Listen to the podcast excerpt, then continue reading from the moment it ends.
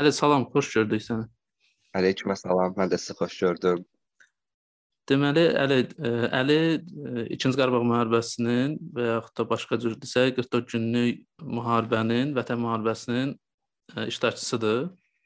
Mən bundan giriş eləmək istədim, amma bundan sonrasını istəyirəm ki, Əli sən özün haqqında biraz məlumat verəsən. Yəni yaşın barədə, hardan anadan olmusan, harda böyümüsən, harda təhsil almısan, yəni, bu məsələlər barədə istəyirəm biraz məlumat verəsən. Mən Əhmədli Əli İlqaroğlu, özüm Göyçayda dünyaya gəlmişəm, amma ə, bu zonada yaşamışam. Gözümü açandan bu zonada olmuşam. Burada təhsil almışam. Daha sonra ə, Texniki Universitetin ə, magistr pilləsini bitirmişəm. Hal-hazırda 28 yaşım var. Ə, mühar mən aprel döyüşlərində iştirakçısıyam həm də. Ə, əsas xidmətim aprel döyüşlərinə düşmüşdü ə, və hal-hazırda da ə, 44 günlük müharibənin Füzuli Xocavənd istiqamətində gedən döyüşlərin iştirakçısıyam. Aha, sən ə, dedin ki, Texniki Universiteti bitirmisən, magistr pilləsi üzrə. Hansı ixtisas üzrə təhsil almısan? Yol hərəkətinin təşkili ixtisası üzrə təhsil almışam. Orada da IT bölməsi var idi. Daha çox orayla məşğul olurdum ən çox. Yəni həvəsim də ora idi. Özüm də indi hal-hazırda IT sahəsi üzrə işləyirəm. Mingül balaca bir dükanım da var. Kompüter, telefon aksesuarları belə bir şey. Ha, nə yaxşı. Mən bilmirdim. Bilsəydim lazım olanda belə şeylər gəlib sənə müraciət edərdim. Yəni arada ən azından bununla da paylaşım eləsən, bununla bağlı Facebookda. Bəlkə də eləmisən, mən görməmişəm, amma mən görməmişəm, Ola. yadıma gəlmir belə bir şey. Ola bilər. Hə, arada o paylaşımları elə. Yaxşı, Əli, mən ə, əsas ə, istəyərdim ki, sən nə barədə məlumat verəsən. Ə, bu 44 günlük müharibə hərəni bir yerdə belə deyim də ruslar deyir zastatiyadır. Hər, hərə bir yerdə xəbər tutdu. Bir də ayıldı ki, mənim yadıma gəlir ki, ə, səhər oyandım yuxudan, 27-si idi səhv eləmirəmsə, xəbər eşitdim ki, belə bir ə, atəşkəs pozulub ermənilər tərəfindən və ə, hər hansısa bir ə, orada aktivlik yaranıb ön xəttdə. Artıq günün ikinci yarısına radioda mən xəbər eşitdim ki, yadımda da Asan radiodan xəbər eşitdim ki, bizim ə, ordumuz müəyyən kəndlərə azad edib. Sənin üçün bu ə, 44 günlük müharibə hardan başladı, nədən başladı? İstəyirəm o barədə hissə-hissə yavaş ə, belə deyim də ardıcıllıqla məlumat verəsən. Yəni ə, deyirlər əvvəldən başla və davam elə. Mən özüm aprel döyüşlərində olmuşdum. Belə bir şey olmamışdı. Hı -hı. Ə, adi döyüş əmri idi, getdi, vəsyoda hər şey ölkədə hər şey qaydasındadır. Heç ə, arxa arxa cəbhə bilmirdi nə baş verir. Amma artıq internetin olmaması, ölkədə ə, karantin ə, komendant rejiminin tətbiq olunması artıq hər şey məlum eləyirdi. Ə, biz artıq Füzuliyə çatanda ə, artıq şəhidimiz var idi. Artıq şəhidimiz vardı və ə, müəyyən ə, birinci eşalon deyilir də ermənilərin durduğu birinci, ikinci eşalonlar var ki, əsas ə, e, illərlə orada cəmləşiblər. Orada müəyyən hissələri qırmışdı ordumuz. Artıq ə, e, azma az da olsa irəliləməyə başlamışdılar. Söhbət 27 sentyabrdan gedir artıq. Bəli, bəli. 27 e, sentyabrda və ə, biz 27 sentyabrda Horadizə düşdük. Füzulidə Horadizə düşdük, orada cəmləşdik və artıq ön cəbhədə döyüşlər gedirdi, ə, uğurlar var idi və biz ə, komplektləşirdik də silahlarımız, adımız, hər şey hazırlaşırdı, brajiletlər falan, ə, silah sursat hazırlayırdıq. Ə, təqribən axşam saatlarında biz durduğumuz nöqtəni vurdu ermənilər. Horadizi vurdular və bizim 3 şəhidimiz oldu orada. Ondan sonra isə ə, biz ə, 30 sentyabrda artıq bizdən qabaqki ə, taboru dəyişməyə getdik. Aha. Onları istirahətə verdi. Biz döyüş tapşırığına bizi girdi. İlk təhlükəli döyüş anı 30 sentyabr idi bizim üçün. Düşmən də birbaşa üzbəüz kinolarda görmədiyimiz bir aura var idi. Yəni fantastik bir şeylər var idi orada. Hələ sən bir şey soruşum səndən. Bax, ilk hansı hadisə baş verdi ki, sən ə, sənin üçün artıq o mən adətən eşitmişəm bunu qazilərin danışığında ki, artıq orada başa düşdüm ki, yəni bu indiyə qədər baxdığımız filmlər, kinolar bu artıq başqa məsələ idi. Yəni reallıq tam ayrıdır. O dönüş nöqtəsi ilk nə vaxt oldu? Demək 30 sentyabrda, 30 sentyabrda bizə ki hücum əmri verdilər. Artıq qiyamət səhnəsi belə təsəvvür olunmur da. Öndə ermənidir və sən maksimum qabağa getməlisən ki, məsələn 100 nəfərsizsə, 100-dən 20-si də olsa gedib çatmalıdır da. Və bu getdiyimiz yolda ermənilərin texnikaları, bizim texnikalarımız alışıb yanırdı ə, artilleriya bizim artilleriya da onları vurmuşdu. Onların artilleriya da bizim vurmuşdu. Məsələn, ə, maşın var idi. Maşından ə, ah nalə səsi gəlirdi. İstəyirsən gəlib açasan, ə, içindən yanan adam çıxır. Ə, heç eləyə bilmirsən. Artıq ə, gördüyümüz hər bir şey tam başqa idi da. Yəni yan-yana getdiyin adam ə, yıxılır, artilleriya mərmi düşür, ikiyə bölünür sən artıq heç nə edə bilmirsən. Təzədən ə, e, sən ancaq sən onu düşünürsən ki, sən qabağa getməlisən. Nə olur olsun getməlisən. Ə, e, gəlib çatanda bir yer var idi, bataqlıq deyilən yer. Orda ə, e, kombat dedi ki, kim gedər mənimlə? Mən dedim, Dünyamalıya Fəqan dedi ki, mən dedim ki, komanda mən sizdən başqa heç kəs tanımıram. Mən sizinlə gedirəm. Dünyamalıya Fəqan da mənim köməkçi atıcım idi. O da dedi ki, mən əlini tanıyıram, mən də əli ilə gedirəm. Bir də rabitəçi. Biz dördümüz çıxdıq ə, e, qabağa gedək ə, e, erməni postuna çatmağa. Çox az məsafədir, təqribən 10-15 metr məsafədir. Ə, e, biz orada olanda ə, bizə dedi ki, bataqlığın içində divarlara tərəf uzanın. Ə, birdən artilleriya bataqlığı vurar, qəlpə dəyməsində. Uzanan zaman ə, havaya baxdım, təqribən zöhr namazının vaxtı idi. Ə, komandir dedim, komandir icazə ver namazımı qılım dedi qıl. Uzanlı vəziyyətdə namazımı qıldım. Son namaz idi da, bəlkə də elə düşünürdüm artıq. Çünki Hı -hı. gördüklərim tam başqa bir şeydi. Həyatımda heç vaxt bilmədiyim bir şeylər rastlaşmışdım. Namazı qıldım, sonra dedi qutardınsa çıxın çöldə ard-arda uzanın. Biz üçümüz də arxa uzandıq və komandir də bizim 1 metr sağımızda uzandı. 1 metr məsafə var aramızda. 1 1.5 metr bu qədər çox yaxınıq.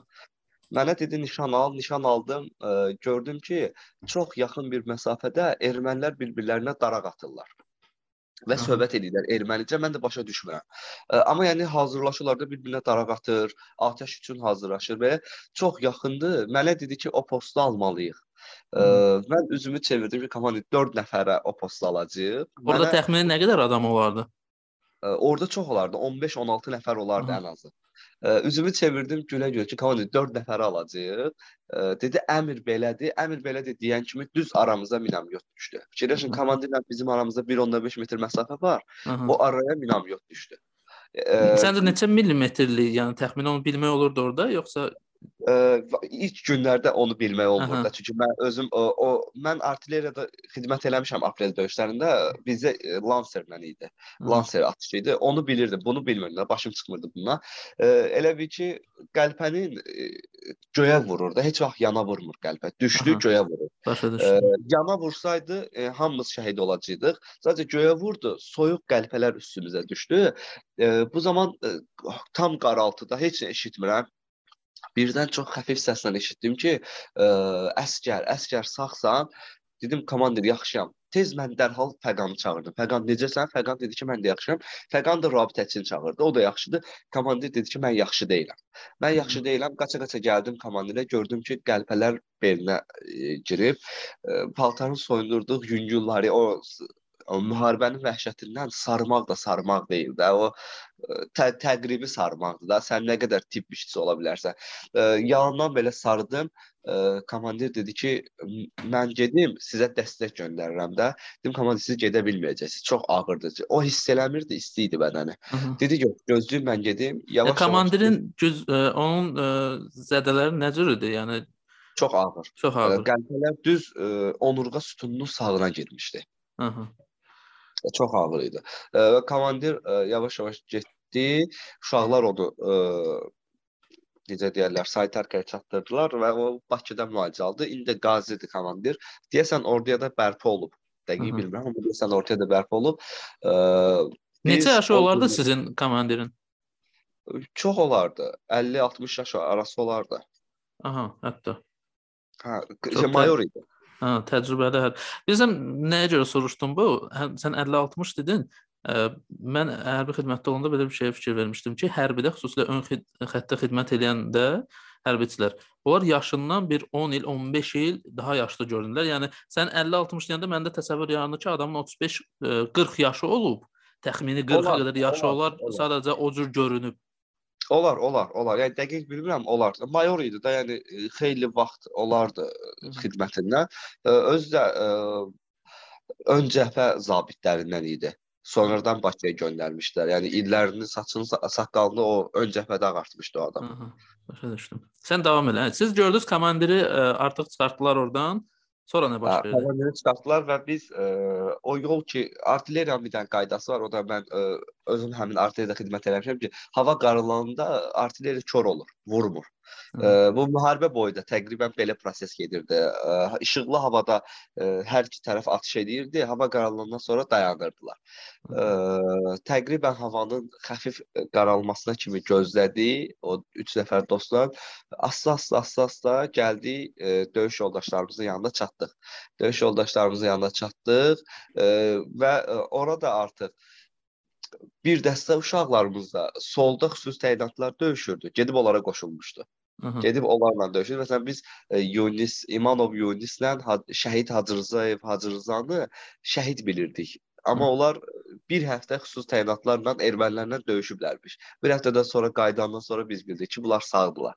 E, düzü sonra Hacırza e, daha sonra şəhid oldu. Amma yəni biz o bir həftəni elə bilirdik, e, onlar şəhiddirlər.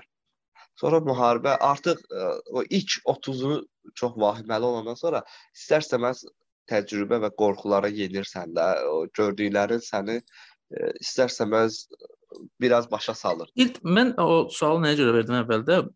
Çünki adətən ə, e, müsahibələrdə eşitmişəm ki, qazilər deyirlər ki, ilk dəfə hər hansı bir hadisə baş verdi. Ona qədər Yəni o bəlkə də o hadisədə şok yaşayır. Səndə oldu belə şok yaşadığın ilk hadisə hansı oldu ki, ondan sonra sanki bu ə, belə deyim də sən barışdın ki, həqiqətən ki, artıq bu cürdür. 30 günü biz ki geriyə qayıdırdıq üç nəfər e, döyüş yoldaşlarımızla, rabitəçi Fəqanla. Geriyə qayıdanda gördüm ki, e, bir şəhidimiz var. E, şəhidin ağzına dolub qəlpələr. Yəni e, çox qeyri-adidir də, yəni insan bədənində ağız hissəsi qəlpələr dağıdıb və o ləzgi dostumuz oturub onun ağzını yığır və mən oturdum, əyləşdim ə, isimliyi axtarmağa ki, o həmin ə, şəhidin adını bilim ki, sonradan rahat gəlib onu ə, tapa bilək. Ə, isimliyi tapa bilmədim. Nə qədər elədim, tapa bilmədim. Həm həyecandan ə, o şəhidin ə, o həyəcandan axtarıb tapa bilmədim. Yəni başqa rahat bir şəkildə olsaydı yəqin ki tapardım. O, o ləzgi dostumuzla bir-birimizə baxdıq.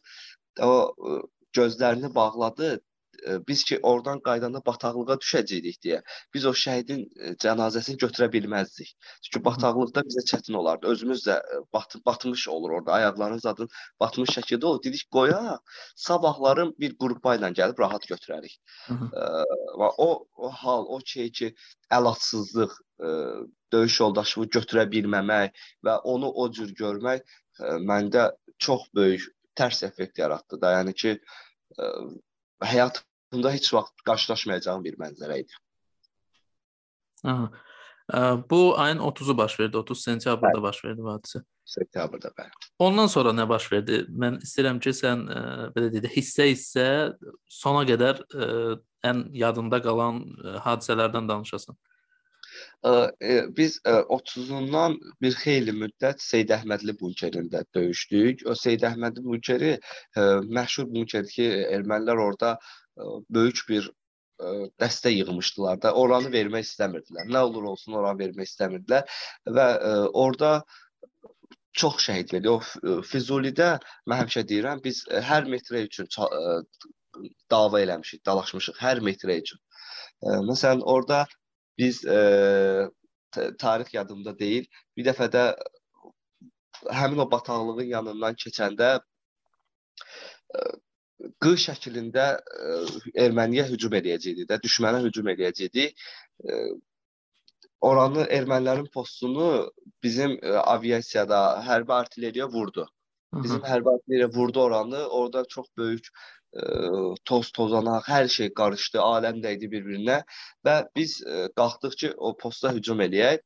Bir dəstəmiz gəldi, ə, yolun başından sağa döndü ki, sağdan hücum eləsin, bir dəstə də üzbəüz hücum eləsin. Bu sağdan gedəndə ə, bir şey gördüm. Bu qumbar atanla gördüm ki, bir yaxınlıqda bir çox uzaq olmayan bir məsafədə ə, tozanaq baş verdi. Mən də elə bildim ki, bizimkilər oranı vurdu.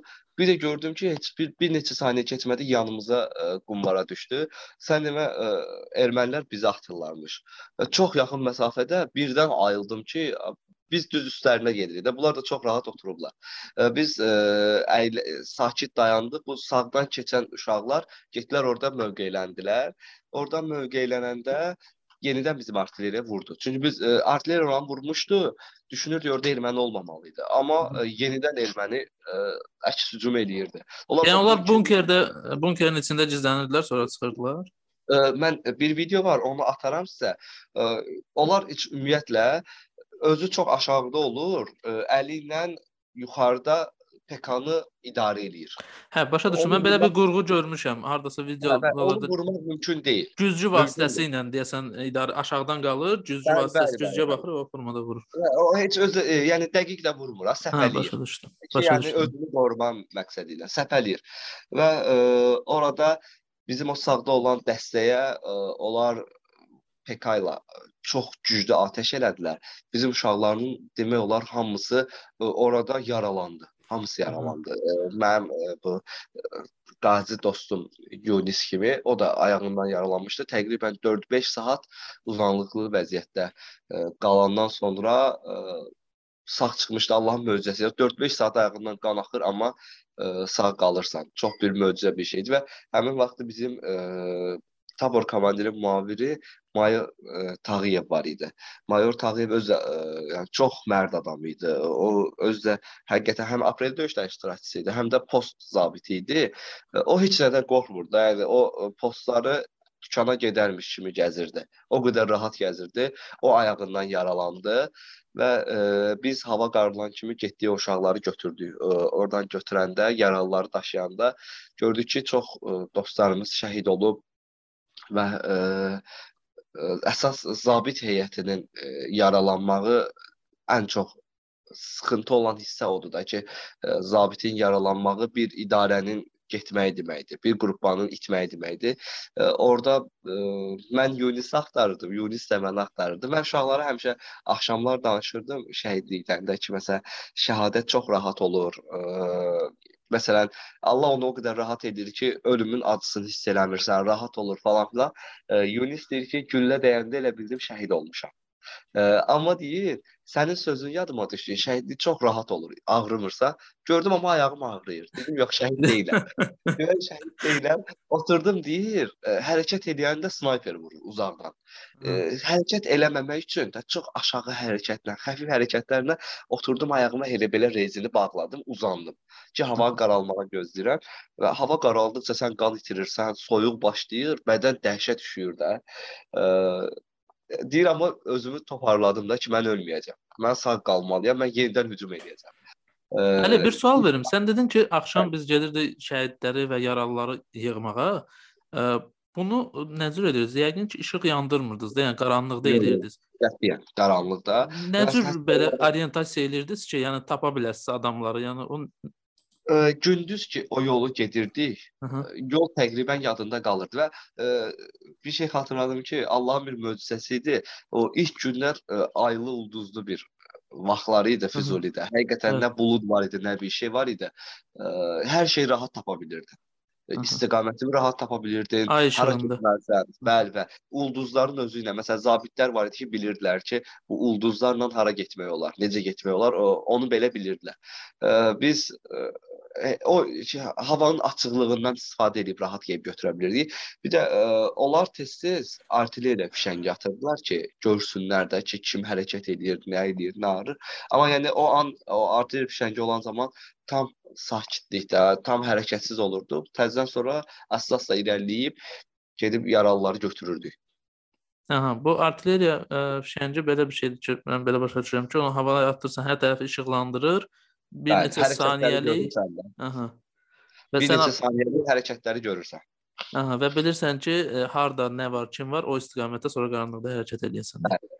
Bəli. Başa düşdüm.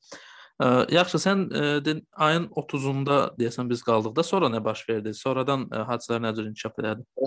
Biz məsələn indi bir axlarım o Yunisin məsələləri ayın 17-si idi. O, o 30-undan 17-sinə kimi hər gün Hı. e, kiçik hücumlarla qabağa gedir. Hı. Çünki onlar dediyim kimi, məsələn, ola bilər Cəbrayılda, Qubadlıda e, hücum çox sürətli gedir, amma Füzulidə alınmırdı. Füzulidə onlar illərlə qurmuşdular hər şeyini və ə, o ərazini heç cürə vermək istəmirdilər. Hətta biz ə, qərar ə, əmr olundu ki, biz o bunkerə gedən yolu tutaq.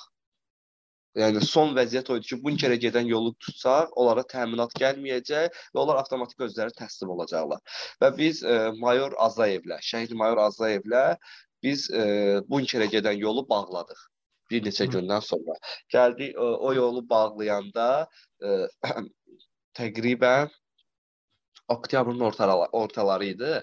Hı. biz o yolu bağlayanda gecə idi. Gecə bir qaranlıqda biz ermənilərin ə, bunkerə gedən yolunu bağladıq. Özü Mayor Azayev çox gözəl xəritəşünas idi da. Adam məsələn bir əraziyə 4-5 yolla səni aparmağı bacara biləcək potensiala malik idi. Ə, o bizi gətirdi ora. Çox bir ə, zülmət sakitlik var idi. Yəni heç bir hərəkət, səs çıxmadan biz o yolu bağlamışdıq. Ə, səhər açılanda ə, ermənilər yolun bağlı olduğunu gördüyündən ə, böyük bir əks hücum planı hazırlamışdılar. Ə, Mayor Azayev özü də hər zaman məsələn döyüş qrupasından çox öndə gedərdi. Çox öndə gedər. Tabordan çox öndə gedərdi. Özü ə, səhər səhər saat 5-6 olardı. Getdi erməniləri izlədi. Dedi, orada bir ə, batareya var. Bunlar hələ səhər yeməyini izlə yeməyiblər. Gəlin biz artilleriya vursun və biz də gedək onları elə yerlərindəcə məhv eləyək və ə, bütün qurğularda qənimət kimi qalsın. Ə, gəldi, hazırlaşdıq. Ölümdən döndüyüm ilk gündən biri də o idi. E, elə bil ki, biz gəldik. E, Taborun qabağında mən, Cavidan, Pərvin, e, Teymur, Qocayev Kənan və Səbuhi. 6 nəfər e, Taborun qabağındayıq. E, Mayor Azayev dedi ki, e, Leytenant Həmidov var, baş leytenant Həmidov var idi. Çox mərd adam idi. E, mülküdən gəlmişdi, o da könüllü gəlmişdi. Baş leytenant idi. E, adamın qorxusu yox idi sözün əsl mənasında. Çox e, cəsarətli bir insan idi. Bizə dedi ki, bu 6 nəfərə də siz gedin, bir şey var idi. Güngün post var idi. Ermənilər qoyub qaçmışlar. Orada deyir mövqelənin, e, kömək eləyin, biz hamımız ora gələk. Siz yəni erməniyə atəş açın, biz hamımız ora yığışaq. E, biz qaçdıq ora, taborun qabağında bizi fikirləşir. Biz gəldik, qaçdıq ora, oturduq. Bizə e, bir 2 dəqiqədən sonra dedi ki, uşaqlar səhv yerə getdik, qayıdın. Aha. Qayıdın, bu bu bir istiqamətə getməliyik. Biz e, qayıtdıq, fikirləşin taborun qabağındaydıq, qayıtdıq indi olduq taborun arxasında. Taborun arxasında biz olduq, taborun qabağı döyüş hücum həmirinə getdi. Taborun əvvəli demək olar şəhid oldu da hamısı.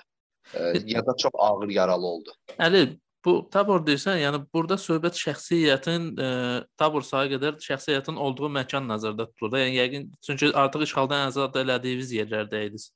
E, tabor nə idi? 3 bölmənin birləşməsi bir tabor sayılır. Yox, dördüncü- e, başa düşdüm. Mən nə baxımdan deyirəm bunu? E, yəni hər hansısa bir siz orada açıq havadaydınız, yoxsa işğaldan azad elədiyiniz yerdə hər hansısa bir məkanda qərarlaşmışdınız, yəni damı var idi falan, yoxsa açıq Yox, havada sadəcə? Açıq havada elə bil ki, e, məsafəli şəkildə e, tabor uzanır da 400 nəfərlik şəxsiyyət uzanır mə Aha. məsafəli şəkildə. Başa düşdüm. Gəldik biz o taborun arxasına düşdük. Taborun qabağı çox ağır döyüşlə qarşılaşdı. Şiddətli döyüşlə. Çünki o Seyid Əhmədli bunkerinə gedən yol idi. E, o yolun qarşısını almaq çox e, o yolun qarşısını onlara çox çətin idi də. Yəni onlar onu qaytarmalıdılar. Nə olur olsun. Bütün güclərini, qüvvələrini vermişlər ora. E, Mayor Azayev bizi sonuncu dəfə düzdü. E, dedi ki, aramızda ali təhsillər var. Hətta bizim aramızda doktoranturan bitirmiş insan var idi. Hı. E, şirkət yiyələri var, nə bilim nə falan falan məndən ağıllı insanlarımız var. Bunu deyəndə tabor şəklində hamımız belə dedik ki, komandir səndən ağıllımız yoxdur. belə bir ə, effekt ötürdü ona. O da belə ə, qürurlandı, dedi ki, elə onda gəlin arxamca. Gəlin arxamca ə, özü şəhid oldu həmin günü. Həmin günü şəhid oldu, amma böyük sayda erməni e, qırmışdı da, erməniləri saysız hesabsız şə şəxsi özü hələ nə qədər erməni qırmışdı və tab orada həmin günü çox şücaətlə döyüşmüşdü. Hətta yəni, elə bir epizod var idi ki, uşaqlar öz ə, şəhid yoldaşının ə, silahı ilə atırdı. Yeri mövqeyini buraxmamaq üçün. Yoldaş şəhid olur, təzədən o silahı götürür, atışır. Ə, yeri mütləq də verməməli idi. Ə, bizim taborun həmin günü fikirləşin 400 neçə nəfərdən ibarət tabordan cəmisi 14 nəfər sağ qalmışdı. Ə, qalan hamı ya şəhid idi, ya yaralı idi. O, yəni o bu hətta... müharibənin artıq neçənci günü idi? Təqribən 10-15 gün getmişdi. Bilirsən müharibədə necə idi? 4-5 gün döyüşürsən və sən istirahətə düşməlisən. Səni gəlib əvəz edirlər. Hı. Sən istirahətə düşürsən, güc toparlayırsan, təmizlənirsən, yemək yeyirsən, biraz ə, fiziksel olaraq və bərpa olursan. Hə, bərpa olunur, sonra təzədən Neçə gün olur o? Təxmini. Təq istirahət 2 gün zad olur. Aha, başa düşdüm. Təqribən bir döyüş tapşırığı gəlir 7-8 gün çıxır. Aha. İstirahətlə bir yerdə. O gəlir çıxır məsələn ikinci döyüş, üçüncü döyüş tapşırığında biz artıq ə, e, gecə gözlüdə idi. O gecə ki rabitədə ə, e, bizə tabor komandiri yeni təyin eləmişdilər ki, Mayor Azayev şəhid olmuşdu deyə onun yerinə bir nəfər təyin elədilər. O rabitədə dedi ki, taborun cəmi 14 şəxsiyyəti var. Yəni bu böyük bir şeydir də ki, tabor demək olar hamısı şəhid və yaralıdır. Amma biz o ərazini onlara vermədik, ermənilərə vermədik. Düz sonuna qədər ə, e, növbəti tabor bizi gəlib əvəz edənə qədər biz orada döyüşdük və o tabor o ərazini aldı tərtəmizə, rahat. Çünki artıq ermənilərin köməyi yox idi. Amma Həli, biz onlara ermənilər qabağa gəlməyə icazə verməmişdik. Belə bir şey soruşum. E, döyüş vaxtı ümumiyyətlə də mənim bildiyim qədərilə belədir.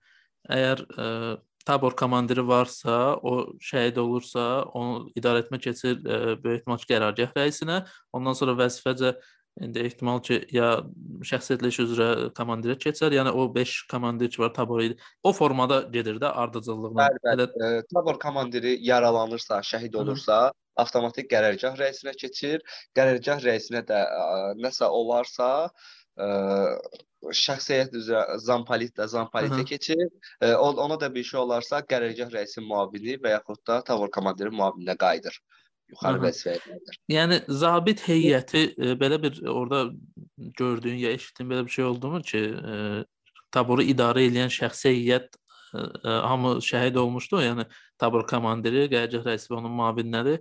Burada söhbət 6 nəfərdən gedir də, səhv eləmirəmsə 5-6 nəfərdən gedir və ondan sonra qalır bölük komandirləri, yəqin ki, bölük komandirləri, tağım komandirləri. Belə bir halla rastlaşmısanmı ki, bəli, bəli. Bir əskər idarə etməni götürür və yaxud da müddətdən artıq hərbi e, e, xidmət qulluqçusu bir şey deyim, bizə e, bu hal oldu. Fikirləşin, bölük komandiri əslində bölük komandiri tağım tağım komandiri bölük komandiri vəzifəsini idarə elədi. Fikirləşin, leytenant da özə yeni kursant olub da, yeni gəlib. Ə, bizimki bölük komandirimiz kapitan var idi. O ə, yaralanmışdı. Bir dənə, iki, üç dənə tağım deyil, üçüncü tağımı. Hətta yəni birinci, ikinci tağımda yaralanıb. Üçüncü tağım komandiri leytenant bölüyü idarə edirdi. Yəni vəziyyət o yerə çatmışdı və bir də orada Məmmədli Elvin var idi, ə, Maxey idi. O da postlar xidmət eləmiş adam idi. Çox mərd adam idi. Maxey idi. Yəni hər bir işimizi demək olar o görürdü.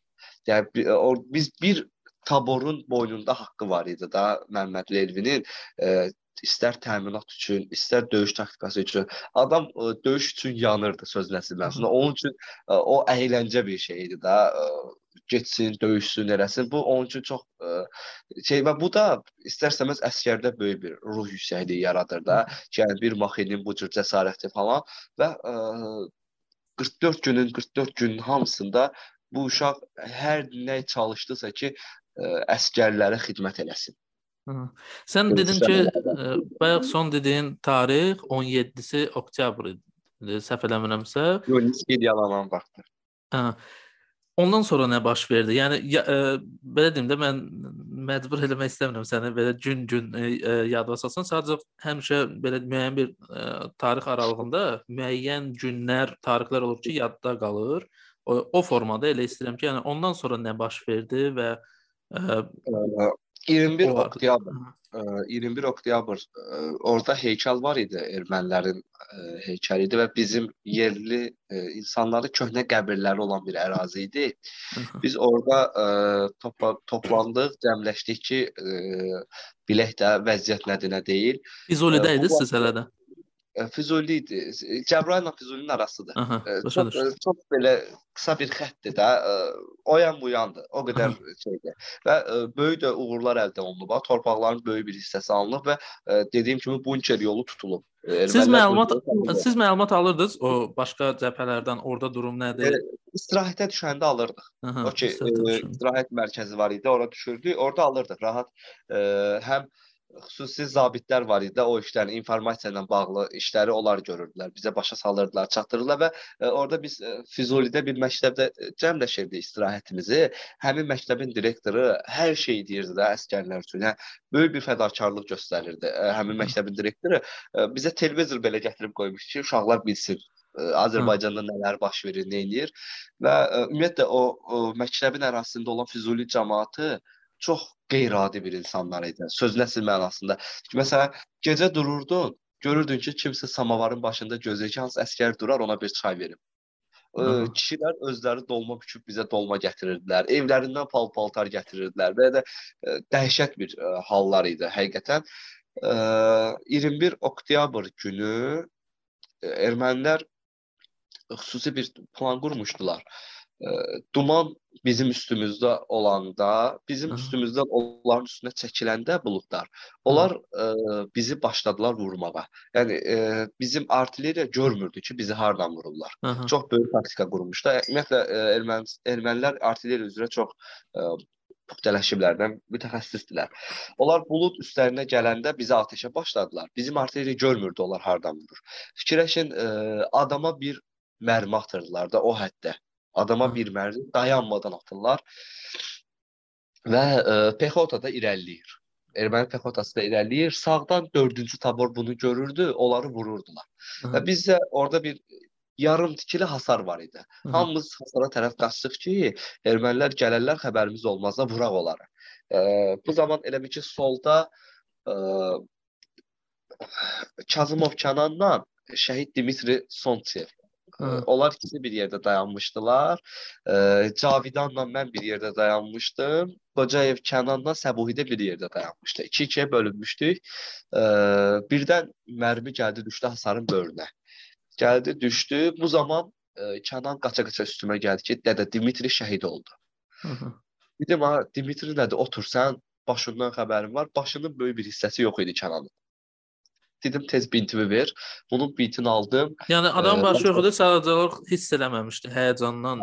Ümumiyyətlə istəyidi, hiss eləmədi. Başının böyük bir hissəsi yox idi, böyük bir hissəsi. İndi kalan sağdır. Dedim otur otur otur bintimi ver. Başladım bunun başını sarmaq. Sarıyanda gördüm ki, baş belə gedib də içərdədir. Yoxdur. Qəlbə sıyırıb aparım. E, tez dəbilqəni belə boğazına sıxdı, belə möhkəm ki, qan çox axmasa. Dedim otur, minamyot sakitləşsin, səni kəndə aparaq. Hı. Bunu 34-də burada qalxdım ə, e, Dimitriyə tərəf. Ə, e, Dimitri artıq şəhid olmuşdu. Açıqçası da düşmüşdü önünə. Ə, e, Dimitri də çox mərd uşaq idi. Ondan bir gün qabaq Dimitri gil mühas mühasirəyə düşmüşdülər. Leytenant Həmidovun, ə, baş leytenant Həmidovun ağlı, dərrakəsi sayəsində o mühasirədən itkisiz çıxmışdılar. Özə nə qədər erməni vuraraq çıxmışdılar. Ə, Kənanı şükür Allaha mən e, biz atışırdıq e, hələ ki ermənilər gəlib biz hasarın dibində idi. Üzümü çevirəndə gördüm ki, Kənanı uşaqlardan bizim bir uşaq var idi, o xüsusi təyinatlarda xidmət eləmişdi.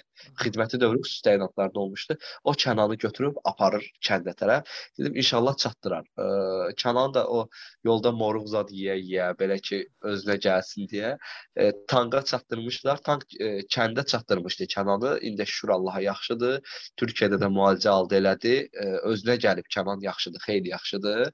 E, və ondan sonra ki biz onlar ermənilər yenə də başladılar vurmağa bizim minbatı vurdular. Qabağımızda bat bateriyası var idi, balaca bir batareya idi. Onları vurdular. Onlar bizim yanımıza gələndə ki, bizi vurdular. Və çox böyük düşündüyü olur da istər-istəməz.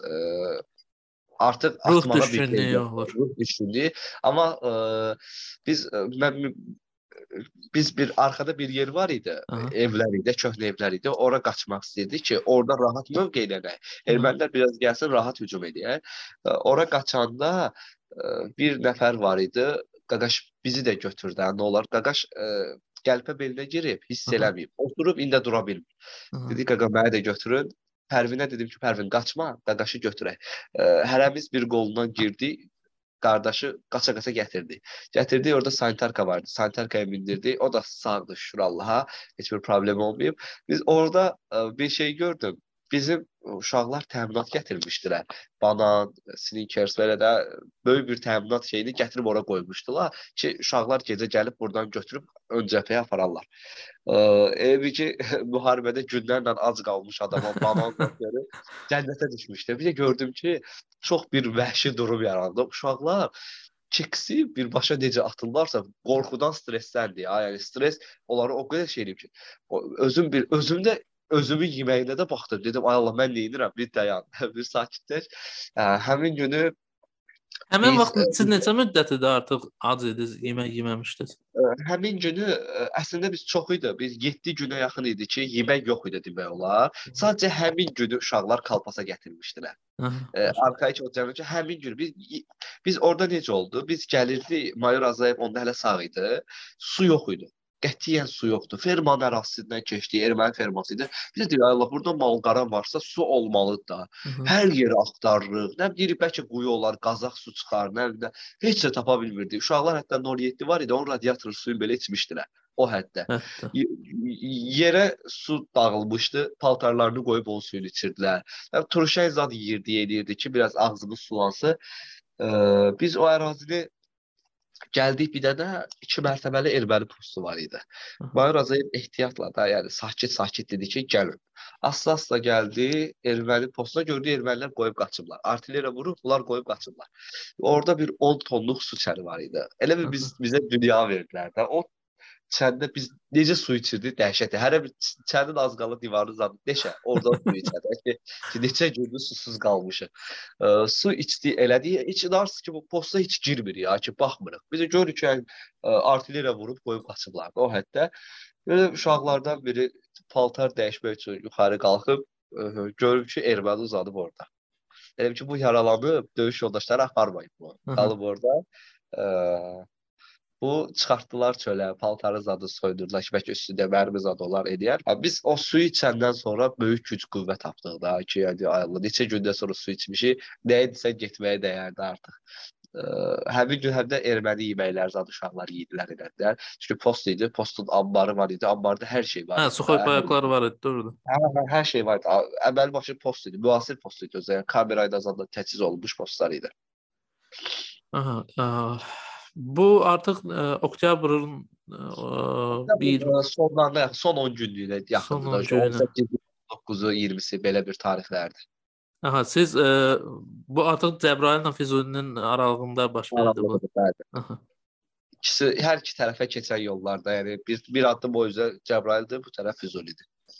Ə, Əli Bəli. mənə nə bilirsən, ə, ən çox təsir edən məsələ nədir bu danışdıqlarında? O ki, deyirsən uzun müddət susuz ə, qalmaq. N- Nədənsə yəqin o həyəcandan dolayıdır ya, nədən dolayıdırsa onu dəqiq bilmirəm. Amma insanın ə, xüsusilə sən ön xəttdə xidmət eləyəndə su tələbatı çox ə, dəhşətli. Yəni döyüş vəziyyətində yəqin ən vacib olan şey sudur. da. Ümumiyyətlə insanın sağ qalması üçün nəzərə alsaq ki, ən vacib olan şey sudur. Mən sadəcə olaraq yəni təsəvvür edə bilmirəm də, yəni. Ə, sadəcə bilirsiz nə idi? nətər bir şeydir. Bir dənə ideal şey o idi ki, o münbir şərait ki var, Füzuli olsun, istər Cəbrayıl olsun, nə olmasa da böyürtkən zad olurdu. Ya Məsələn, bizə bir ə, həkim var idi. Ə, mülküdən gəlmişdi, özü də Qətərdən gəlmişdi. Hətta Qətərdə elə bir ki, həkim işləyir, müharibəyə görə gəlib döyüşə. Özü zabit idi, baş leytenant idi. O bizə deyirdi ki, bölgənləri yığın butulkalara, çoxlu-çoxlu çarpayı kokteyl hazırlasın. Elə elə şeylərlə ə, tab gəlirdi. Bir də ə, ümumiyyətlə müharibənin çox qeyri-adi şeylərdən biri budur ki, məsələn bizim su əməliyyatlarımız olurdu bataqlıqla da. Gecəni fikirləşin suyun içində keçirdirsən, səhər paltar əynində quruyur, amma sən xəstələnmirsən. O adrenalin, o ə, döyüş, o şey səni xəstələnməyə qoymur və bu dəfələrlə baş verir və dəfələrlə sən xəstələnmirsən.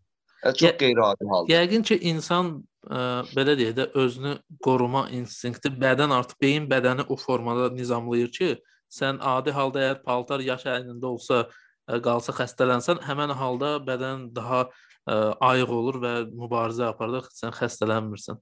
Bəli, bəli. Məsələn, özü yəni necə əməlli başlı paltarın əynində qurumağı göz görürsən ki, yavaş-yavaş bu hissəsi qurutur, yavaş-yavaş bədənin temperaturunda paltar quruyur, amma sən xəstələnmirsən. Yəni çox çox qeyri-adi bir şeylərdəndir o da.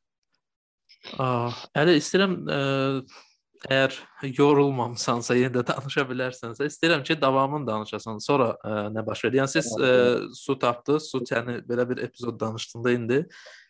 Sonra nə baş verdi? Sonrakı biz ə, gəldik o 20-si 21-ində danışdım əslində bundan qabaq. 20-si 21-i döyüşləri oldu, Kənanın başını sarmaq falan. 21-i artıq bizim tabor demək olar ki, çox az bir hissəsi qalmışdı.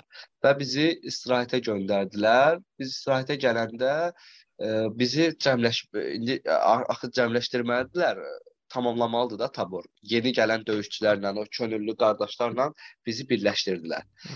Bizi komplektləşdirmə deyirlər də deyəsən. Komplektləşdirmə, aysa, komplektləşdirmə. Bizi ə, Cəbrayılda bir ərazi var idi. Ora əməli başlı cəmləşmə düzəltmişdilər də böyük bir ə, e, demək olar bütün hamı orada cəmləşirdi. Bizi orada e, komplektləşdirdilər və biz Xocavənd istiqamətində döyüşə başladıq. Artıq orada Seyid Əhmədli bunkeri də alınmışdı. Füzuli istiqaməti demək olar tərtəmiz təmizlənmişdi. E, Füzulidən heç nə qalmamışdı. Çünki ə, orada əsas döyüşlər ki keçmişdi, artıq rahat döyüşlər başlamışdı. Bizim ordu gələn növbəti qruplar oralar rahat ala bilirdi. Həm də ərazi ki darlaşır, ordu çoxalır da istər istərsəniz. Balacalaşdıqca biz çoxalırıq. Onlar azalırlar, biz çoxalırıq. E, ona görə daha rahat döyüşlər başlayırdı. Amma e, Xocavənd döyüşü artıq dağ döyüşü idi. Bu günə qədər düzənli idi, açıq səhra, e, daha rahat idi. Amma Xocavənd daha çətin dağ döyüşü həm onlar üçün ə, gizlənməyə rahatdır, həm bizim üçün gizlənməyə rahatdır, amma ə, özünlə bərabər yemək, içmək, dağlan qalxırsan. Yəni daha çətin Xocavənd döyüşləri idi. Aha, əli bu ə, e, döyüşlər gedən əsnada həmişə ə, e, belə deyək də hava yaxşı olmadı. Müəyyən vaxtlar oldu ki, yağış oldu falan. Bu həmin vaxtlarda nə cür oldu, nə cür ə, yəni yağış ə, xüsusilə indi mən Ağdamda xidmətdə olmuşam. Ə, o həqiqətən belə bir olur ki, o yağış yağıb palçıq olanda o günləri kimsə danışırdı, bilmirəm Qazi ya kimsə belə bir şey dedi. Dedi ayağı qoyursan palçığa, batinka qalır orada, ayağı çıxarırsan. Yəni o dərəcədə güclü palçıq olur. Yağışda ə, e, siz də edirdiniz, necədir? Yəni o da adama ə, əlavə fiziki bir yükdür də. Yəni ayaq batır palçığa, yolsuzluq. Yağış bizdə Füzulidə olan istiqamətdə oldu bir dəfə. Güclü yağış oldu söz nəsilməsə. Çox böyük bir yağış idi. Ee, biz də inanırsınız ki, elə yağışın altında oturmuşduq sözləsi məsələ. Başqa bir şey yolu yoxdur. Plaş çadırı olan olurdu, olmayan da olmurdu. E, yağışın altında yatan da olurdu. Məsələn, e, biz belə bir e, taktika var idi. 2 nəfər yatır, 1 nəfər oyaq qalır da. Bu cür sistem bu cür idi. Məsələn, o 2 nəfər elə yağışın altında da yatırdı. Başqa yolu yoxdur. Nə ocaq qalaya bilərsən, e, koordinat verməkdir, nə bir şey də. Elə elə də e, qalırdın, gözləyirdin, səhər açılar nə olar, nə olmayar belə. Bu fason. O o kimi hallarda əli ə, e, indi müharibə gedən ümumiyyətlə müharibədən sonra baxırsan da müxtəlif kadrlar var, insanlar danışır. Belə təəssürat yaranır ki, sanki ə, e, həmin müharibə vaxtında insan ə, əskərlər, müharibədə iştirak edən şəxslər təbiətlə vəhdət halına gəlir və sən ə, e, nə tonqal yandıra bilirsən, nə bir şey, yəni torpağa ə, tam bürünürsən də bir növ və ona sığınırsan, aldığın enerji də, istilik də torpaqdan olur və ə, e, dincəlməyin də torpağına olur o ə, e, yorğanımız vətəndaşı, ə, yastığımız ə, var olsun. Qar yox, yorğanımız və ə, qarışdırdım yəni indi. Yəni o ə, marşdakı sözlər deyilir. Sanki o ə, həqiqətən yastığımız vətəndaşı yastığımız vətəndaşı yorğanımız qar olsun. Hə, indi düz gəldi. O sanki həmin məsələ olur və sən ə, belə deyim də bu hekayələri eşitdikcə, sən bunları bu kadrları gördükcə başa düşürsən ki, bu sözlər ə, müharibədən keçmiş şəxslərin ə, və yaxud da müharibəni görmüş şəxslərin həqiqətən ə, qələmə aldığı cümlələrdir. Çünki yaşamış insanların cümlələridir. Bəli, yəni reallığı tam olaraq əks edir özündə. Biz Xocamənddə olanda, Xocamənddə çox böyük bir duman var idi, həddən artıq. Çünki biz dağı dağ keçirsən, deyirəm ki, gəlirsən dağın başına qalırsan, dağın başından hücum eləyirsən, həm də belə bir ancaq dağ dağ təpə keçməklədir də döyüş. Sən orada çox böyük duman olurdu da. Heç məsələn 1 metr bir görmürdün. Əks kəşfiyyat olsaydı bəlkə heç bilmədən şəhid olardın, nə ilə. Heç heç də xəbərin olmazdı. Amma çox ağır. O ə, əskərin göz gözündə olan işartı hər şeyi deyirdi də. İnsanlar həqiqətən torpağı azad eləmək istəyirdi. Nə olur olsun azad eləmək istəyirdi. Nə olur olsun bizdən sonrakı nəslə qalmasın düşüncəsi ə, hiss edirdin ki, o böyük bir immunitet idi. Böyük bir immunitet idi və ə, kimisə də qorxu düşüncəsi yox idi. Ay nə bilim, düzə orduda o müəyyən bir şeylər olur ki, ə, çəkilən tərəflər də olur. Yəni falan filan. Amma qorxu məncə əvvəldə olur da. O əvvəldə o müəyyən vaxtdan sonra artıq psixoloji olaraq beyin öyrəşir. Ona mən mənə elə gəlir, bilmirəm, amma yəqin ki bir bariyerdir. O da, onu aşandan sonra artıq Aşan sən sadəcə olaraq o axına buraxıb gedirsən. Sadəcə bilirsən ki, bu sənin vəzifəndir, sən bunu eləmək istəyirsən və davam edirsən. Bəli. Ümumiyyətlə bu müharibə vaxtı bir şeydə biz məsələn ə, hava dumanlı olanda ə, torpaq isti olur.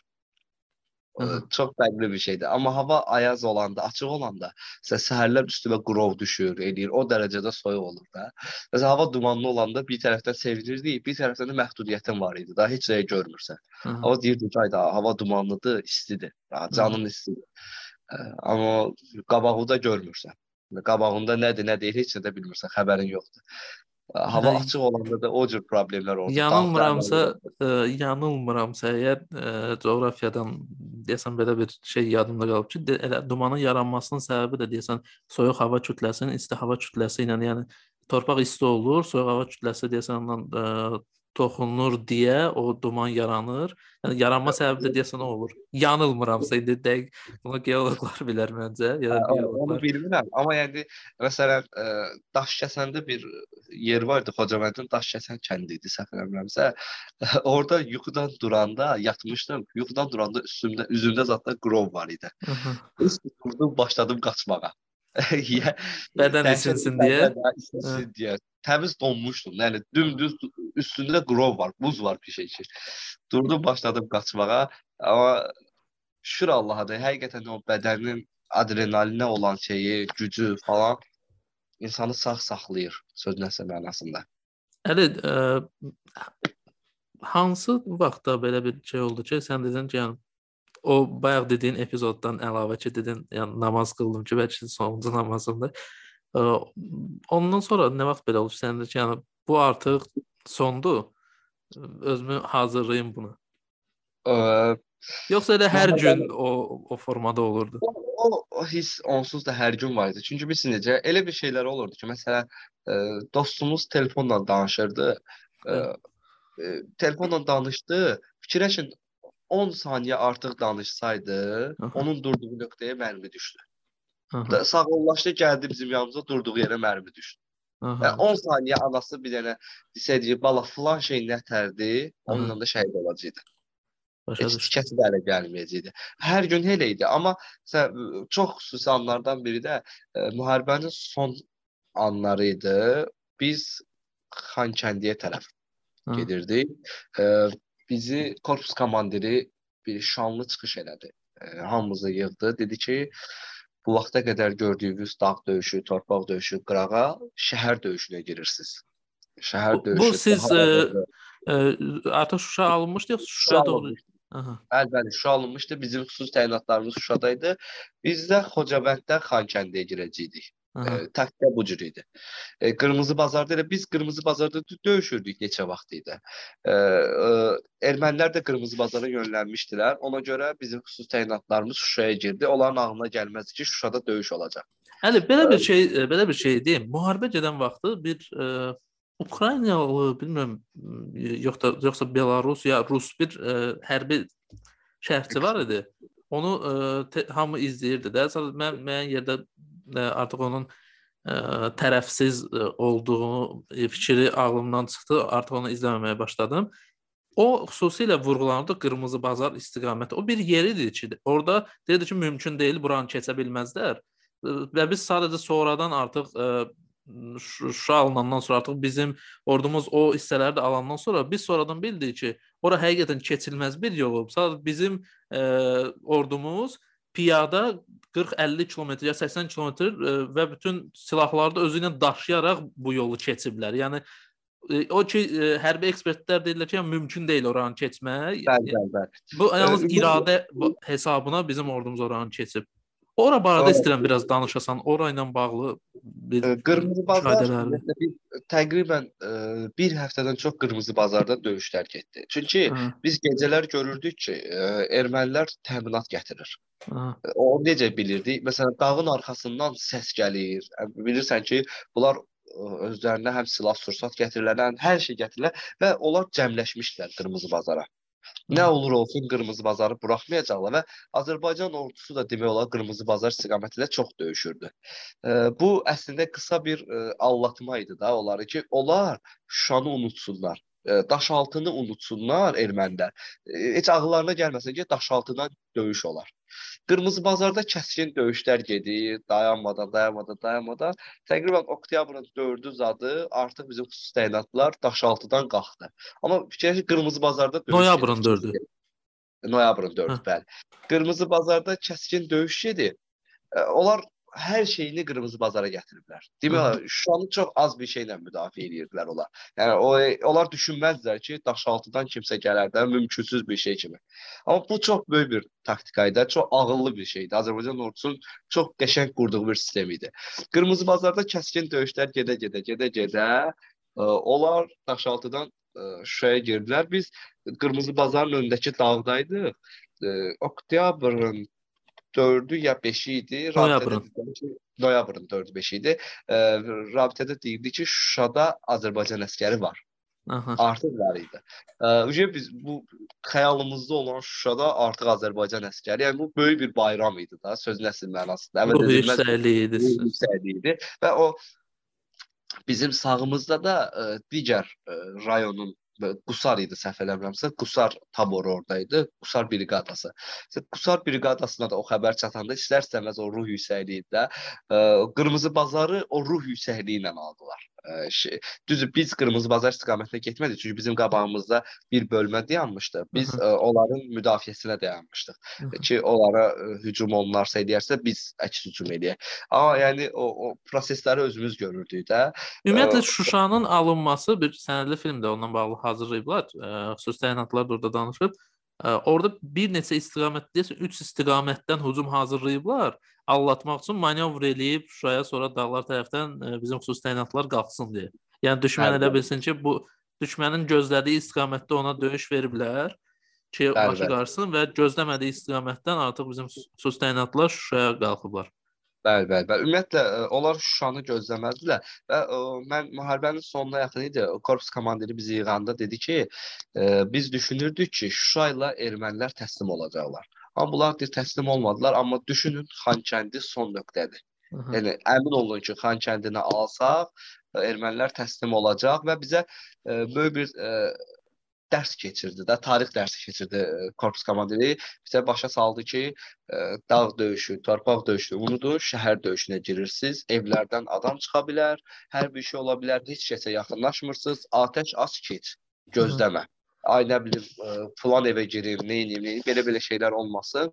Biz düz gəldik, Xankəndi sərhəddində dayandıq. Fikirləşin, erməni evləri zadı görünürdü. Bu vaxt e, dostum Kənan dedi ki, Əli, ermənilər burada yaşayır. Biz nə qaracağıq? O an dedim ki, yəqin ki bu sondur.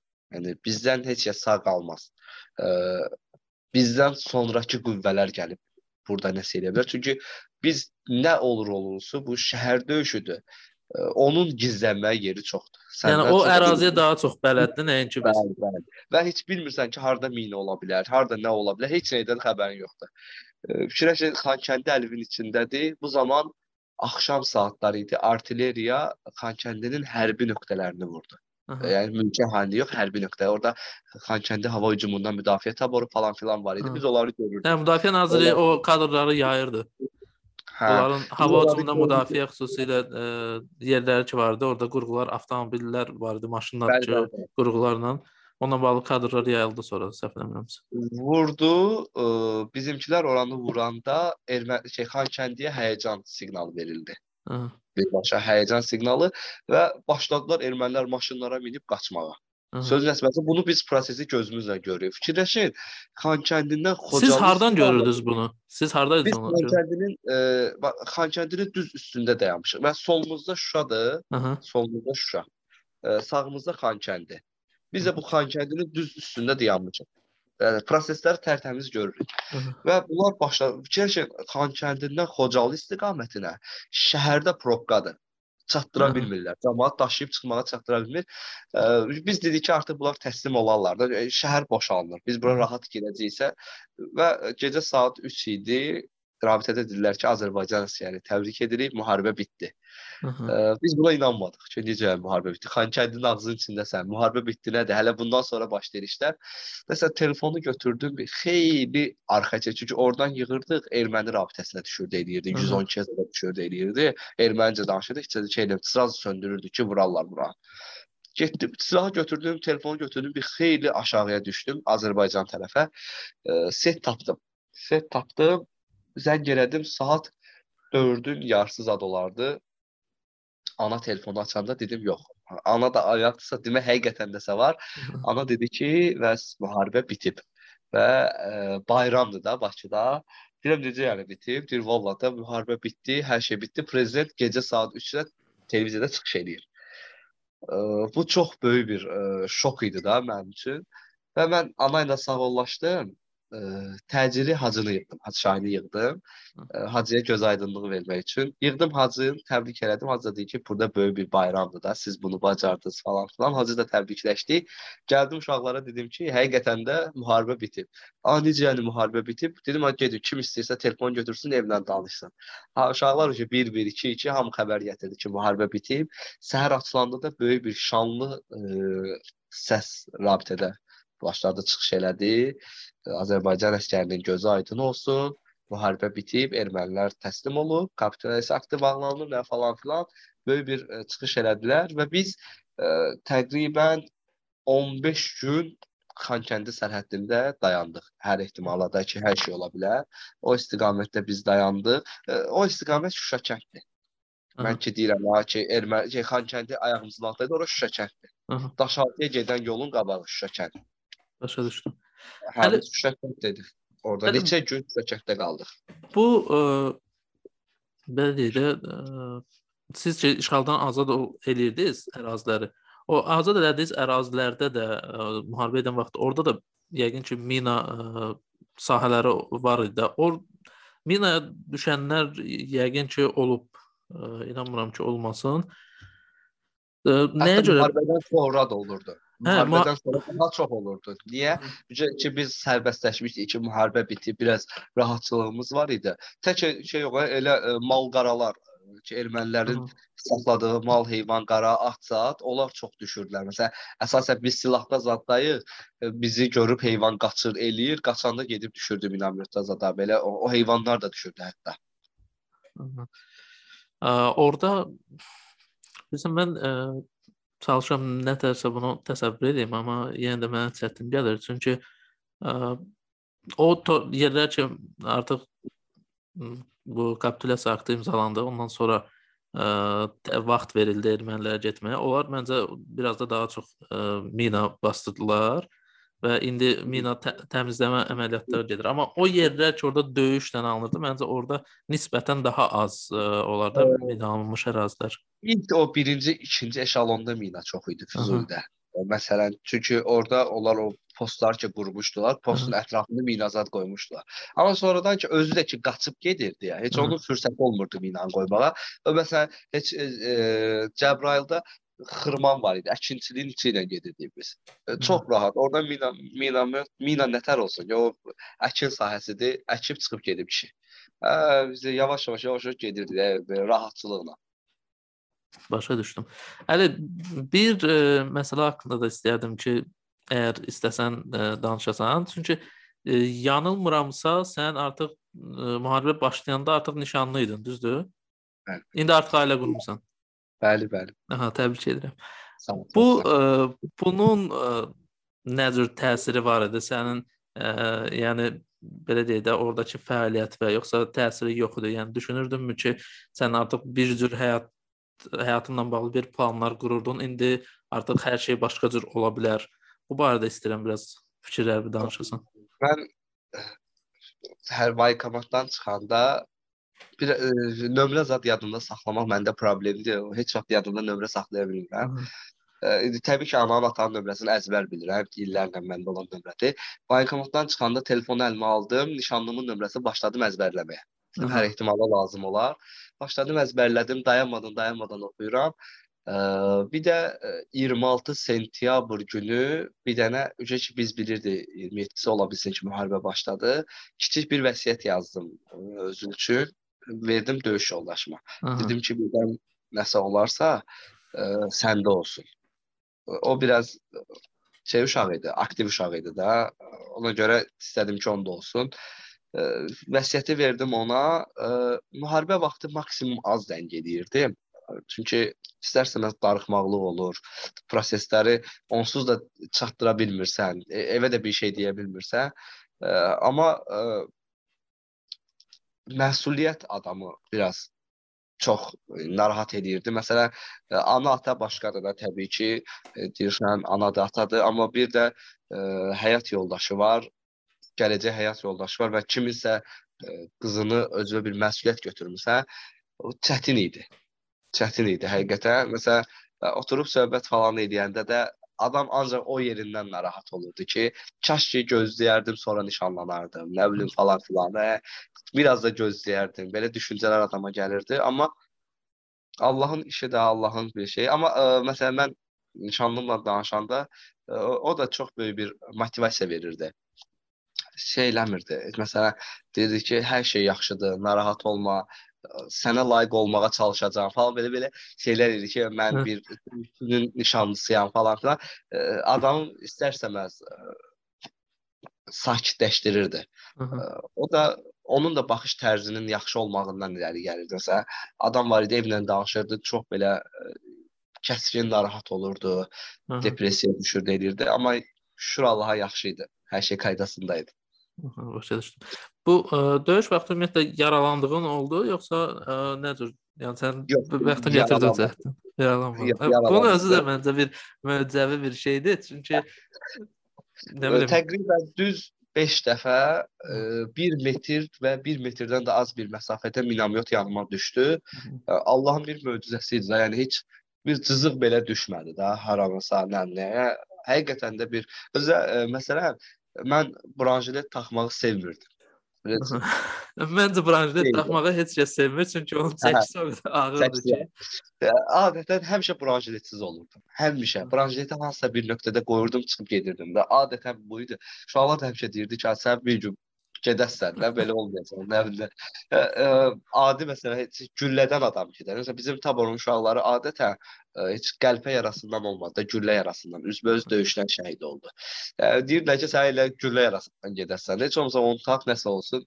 Taxmırdım. Həm də biraz da çox aktiv idim. Ə, məsələn mən ölüm anımı gözləyirdim sanki. Amma məsələn minamyotun düşmə anını qalxıb baxırdım ki, hara düşəcəyi, eləyəcəyi. Həmişə deyirlər baş aşağı sal. Çox belə şey. Məsələn, yanıma düşəndə belə də ə, o saniyəni gözümü zadım bağladı. Sıraz gözümü açırdım, hərəkət edirdim və çox aktiv idim olmağına. Özümün o canımda var o aktivlik. Amma Allahın işi də, yəni heç bir yara olmadı. Bir damcı belə bir yaram olmadı da. Dəhşət bir şeydir. Yəni bu mən mənə elə hətta səninlə bir yerdə orada xidmət edən ə, əsgər yoldaşların o bəlkə də onlarda belə təəssürat yaranıb ki, əl, əlli yanda ola bu da heç nə olası deyil. ə, istə bir şey deyim. Ə, mən həmişə Dimitri ilə Kənan çox çox fərqli uşaqlar idilər də onlar. Məsələn Kənan hətta 5 7.62 snayper 5.45-ə dayan dəyib dayanmışdı. Hı -hı. Onu kolye edib sinə, sinəsində gəzdirirdi. Ki, snayper vurub bunu.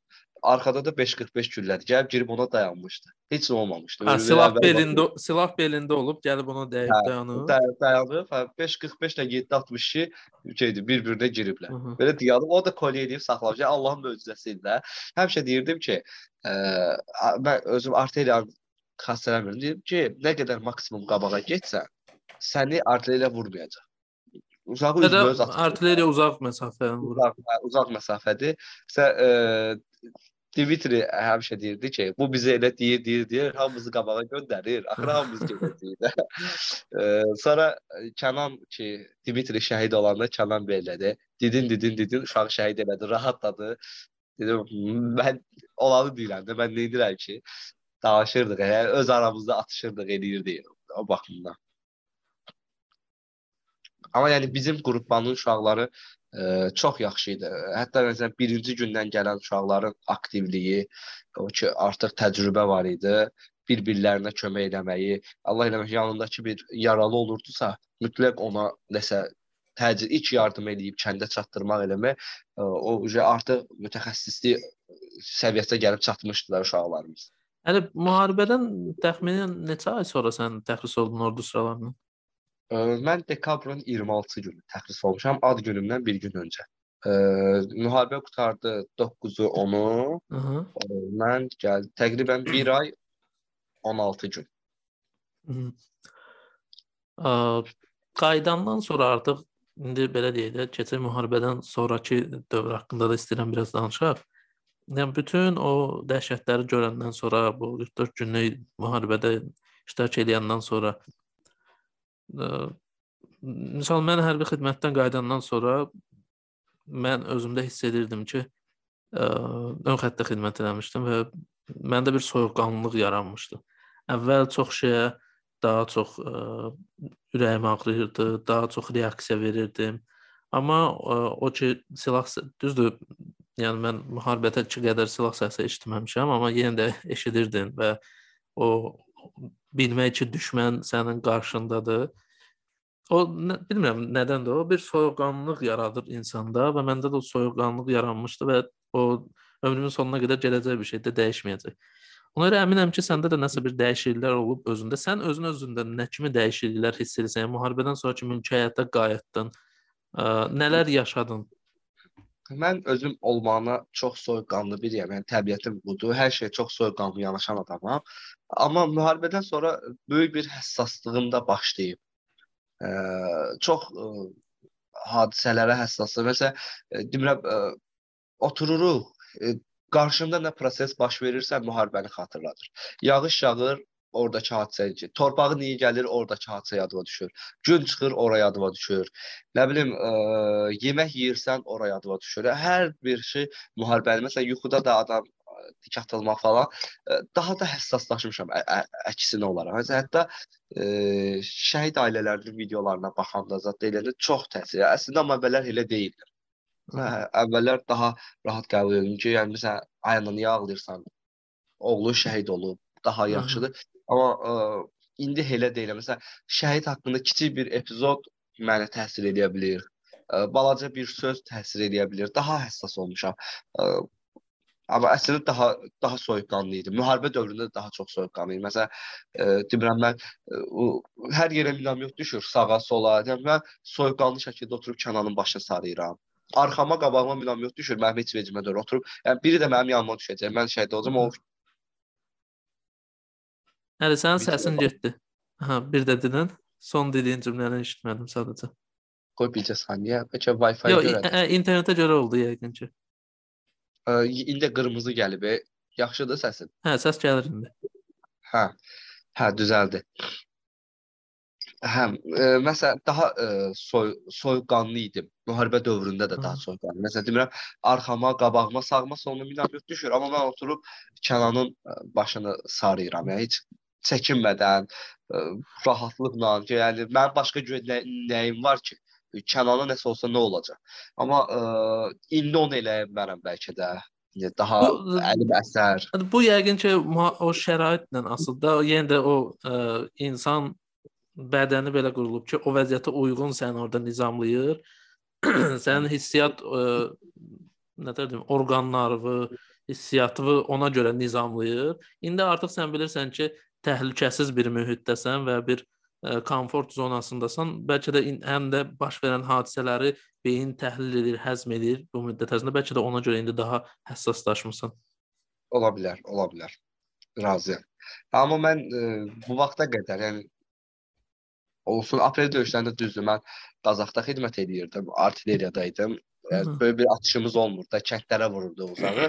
Amma yəni düzdür, o ki səngər falan məsələlərini daha rahat bilirdim, yaxşı bilirdim. Ə, amma onda da belə soyuqqanlı idim. Ə, müharibədən öncə də çox soyuqqanlı idim. İndi amma daha həssasam. Mən tək özümə qarşı yox, ətrafımdakılara da, ailəmə də, atama, anama da daha həssas olmuşam ya. Demirəm o şəhid ailələrinin çıxışlarına zadda baxanda məsələn çox vaxt saxlayıram. Aha. Heç baxa bilmirəm. Daha həssaslaşmıram. Əslində amma əvvəllər elə deyildim. Qəti elə deyildim. Hətta məsələn uşaqlarla gedirdik səndən şəhid ailəsinə falan filan, daha rahat idim, daha rahat dinləyirdim. Amma indi çox çətin gəlir mənə. Daha çox çətin gəlir. Əli, bir də ə, nə barədə istəyərdim sənin fikrini alım. Ə, müharibədə iştirak edən ə, indi hərbi xidmətdə olanda nəyi başa düşürsən? Sən başa düşürsən ki, ə, siz hər biriniz fərqli yerlərdən gəlmisiniz. Yəni sistem hərbidə belə də müxtəlif regionlardan, müxtəlif insanlar gəlir və onlar eyni xidməti eyni yerdə eləməli olurlar. Sən başa düşürsən ki, ə, burada müxtəlif dünya görüşlü, müxtəlif savada sahib, ə, yəni tam müxtəlif insanlardır da burada ə, toplaşıb və sən bu mühitdə və qadın faktoru yoxdur da orada, ancaq kişilərdir. Sən bu mühitdə adaptasiya olub burada ə, öz fəaliyyətini nizamlamalısan, belə deyək. Bəli. Və ə, indi bu belə deyək də hə, atəşkəs dövründən mən danışdım. Müharibə tam başqa başqa bir reallıqdır. Mənə maraqlıdır, yəni bu müharibədən sonra ə, nə, nəyə görə bu müxtəlif insanlar məsələsini nümunə olaraq gətirdim, e, xatırlatdım. E, bu müharibədə e, torpaqları azad edən şəxslər sən də daxil olmaqdan, yəni bu nətər deyim, insan ə, öz canın ə, ortaya qoyur da, yəni ondan dəyərli bir şey yoxdur bir insan üçün. Ə, bunu eləmiş şəxslər əlbəttə ki çox ə, çox yox, bəlkə də ən dəyərli fədakarlığı eləyiblər və 30 ilin ə, həsrətinə son qoyublar da insanlar üçün, yəni bir Azərbaycanlılar üçün. Ə, indi post müharibə dövründə belə deyim, indi yaşanan belə bir şeylər var. Yəni bu müddət ərzində gördüyüm müəyyən sosial şəbəkələrdən, media vasitələrindən və nəyə görə belə belə deyim də asta-asta bu mövzuya yaxınlaşıram? Çünki ə, istəmirəm ki, burada hansısa bir yanlış anlaşılma olsun. Çünki belə bir fikrim yoxdur da kiminsə ünvanından nəsə belə bir fikir səsləndirim ki, sonra ə, kiməsə pis təsir edəsin. Amma ə, belə bir şey görürəm.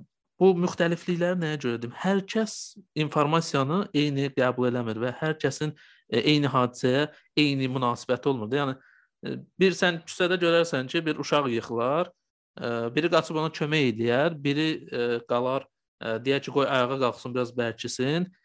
Biri fikirləşər ki, orada onun ayağı bir tutaq ki, taxtaya ilişdi. Kim görəsən o taxtanı ora qoyub.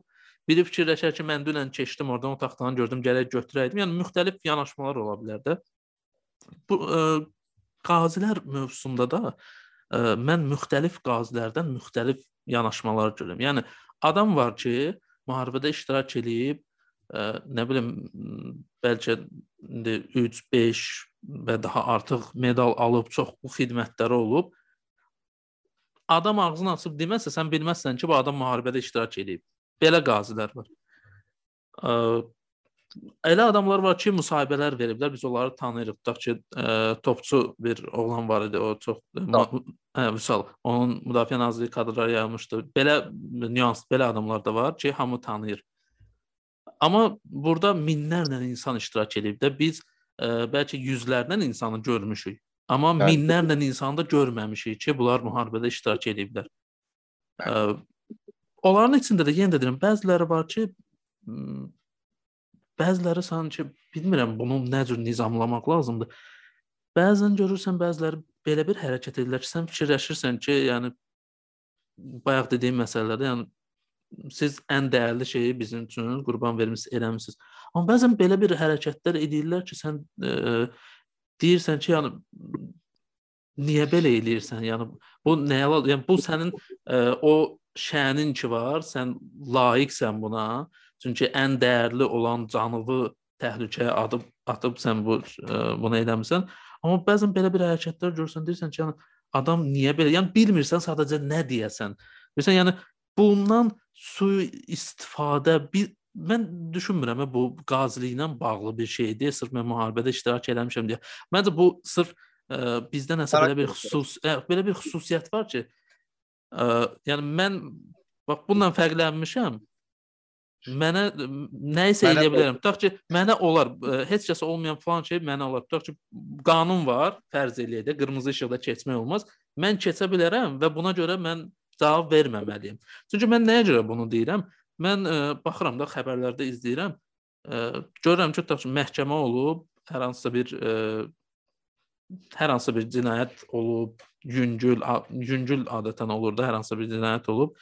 Adam ə, məhkəmədən ə, sərbəst buraxılıb, ə, müharibə iştirakçısı olduğuna görə, qazi olduğuna görə, yəni çox belə şeylər görürəm də. Ə, Bu nə ilə əlaqədədir? Sən necə düşünürsən? İndi sən də müəyyən qədər ə, e, qazi yoldaşların var da, müxtəlif insanlar görmüsən. Çünki onsuz da müxtəlif düşüncəli insanlar orada olur və bəzən görürsən ki, yəni bu savadla da bağlı bir şey deyil. Bu dünya görüşü ilə də bilmirəm nə ilə bağlı bir şeydir. Çünki bəzən çox savadlı bir insan görə bilərsən, çox belə bir hərəkət edə bilər ki, deyərsən ki, bunun savada heç bir qəpiyə dəyməz, amma ə, e, heç bir nə bilim ali təhsili olmayan, sadəcə nə bilim çörəkçi işləyən ya fəhlə işləyən bir insan görərsən ki, adam o qədər nəcib bir davranış eləyər, baxarsan ki, onun 1000 dənə savadı olan nə bilim insan belə o addımı eləməyə qadir deyil. Sən bu məsələni mən belə çalışdım çox incə toxunum bu məsələyə, çünki mən bilirəm ki, bu ağrılı məsələdir və istəmirəm ki, kiminsə haqqına girim də burada. Çünki yenə deyirəm, ə, hər bir qazi özü üçün ə, özünün ən dəyərli olan canını ortaya qoyub bu müharibədə iştirak etməyini. İstəyirəm ki, sənin də bundan bağlı bir fikri var. Amma səncə bu şeylər nəyə görə baş verir və yaxud da bu nə cür olmalıdır? Sən dinə, bundan sonra mən ə, bir fikir də deyəcəm. Bu, bu ona bağlı sənin fikrini dinən. Məncə bu ə, biraz xarakter məsələsidir. Ya nə bilim qayğısızlıqdan gələn bir şeydir. Yəni ailəsində görməyib, ya nəsə qayğını görməyib deyə o qayğıya möhtacdır da, yəni gözləyir ki, ətrafda hamı buna nəsə eləməlidir falan. Amma yəni həmişə də mən bunun tərəfdarıyam ki, ə, sən öz vəzifə borcunu yerinə yetirmisən. Bəli, sənə hörmət edərlər, eləməzlər, o başqa məsələdir, amma bundan sui-istifadə eləmək qətiyyən olmaz. Qətiyyən. Ə, sən ə, qazisən, sənin şansına düşüb ki, sənə yol göstəriblər ki, getib vətən uğrunda canını verəsən.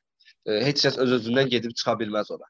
Sənə bir şans düşüb və sən bu şansı daha yaxşı dəyərləndir. Məsələn, e, mən bir e, dostumuzdan e, eşitmişdim. E, Şəhid Xudayarın əmsi uşaqları falan e, deyirlər ki, e, onlar bir-birlərinin arasında nəsə bir şey olan kimi biz sizlə deyirlər ki, sən Xudayarın əmsi oğlusan, özünü yığışdır. Aha. Hə, bu, bu bu düşüncə olmalıdır. Sən qazisən, özünü yığışdır. Sən yəni məsuliyyətin daha, daha da çoxdur. Bəli, daha kəskin addımlar at, daha ağıllı addımlar at e, və e, cəmiyyətdə bunu daha gözəl, ali bir dərəcəyə çatdırır ki, filan kəs qazidir. Bir nümunəvi bir e, yerə qoyur. Bəli, filan kəs qazidir, istifadə eləsin düşüncəsi olmasın. Filankəs qazidir, ona hörmət edək. Bu başqa məsələdir. Amma filankəs qazidir deyə hər şey edə biləcək bir şey yoxdur, olmamalıdır da. Düz indi məsələn ə, icra qurumları zadı falan bu işlərdə e, məsuliyyətli olsalar daha yaxşıdır. Məsələn, mən öz ə, e, yoldaşlarımla, yaralı yoldaşlarımla falan ə, e, görürəm, yaşayırlar problemlər, yaşayırlar, ev problemləri, iş problemləri falan filan. Ə, onların icra orqanlarının öz işləridir. Ə, düzgün görsələr heç bir problem olmaz. Ə, problem cəmiyyətdə sadəcə bu məsələdə də rüşvət kimi falan filan halları olur. İstifadə edənlər olub. İnşallah ki olmaz, bundan sonra olmaz. Amma belə ə, e, mən qaziyəm deyə hər bir şey deyəcəm kimi fikir yoxdur. O günlər bir polis ə, e, tanışımız var. Ə, deyir ki, məsələn, ən çox deyir qaydanı pozan qazilərdir. Yəni bu çox pis haldır. Daha əslində daha yaxşı olardı ki, bu deyirlər ki, ən çox qaydaya riayət edən qazilərdir. Bu olsa daha yaxşı olar. Yoxsa ə, e, çox mənfi haldır. Həqiqətən çox ə, e, pis haldır. Bu da bizim bəlkə də cəmiyyətimizin biz ə, e, bir o qədər də köklü cəmiyyət deyilik də. Deyək ki, biz çox qarışıq. Ə, ölkəmizdə yeni qurulub, yer falan hər şey ə, bizim hələ ki möhkəmləşməyimiz yəqin ki çox çəkər. Bu nəyə görə bu məsələ ə, mənə elə gəlir ki, müharibədə biz ə, bir olmağın gücünü gördük və başa düşdük ki, biz o günlər belə bir fikir eşitdim. Dedi, əgər o məsələ ki, biz düşünürük ki, yəni bunun həlli artıq mümkün deyil, o məsələ ki, həllini tapdı. Yəni şəxsən mən düşünürəm ki, bu müharibədən sonra belə deyim, mən özümdə bir borc hiss edirəm nə baxımdan.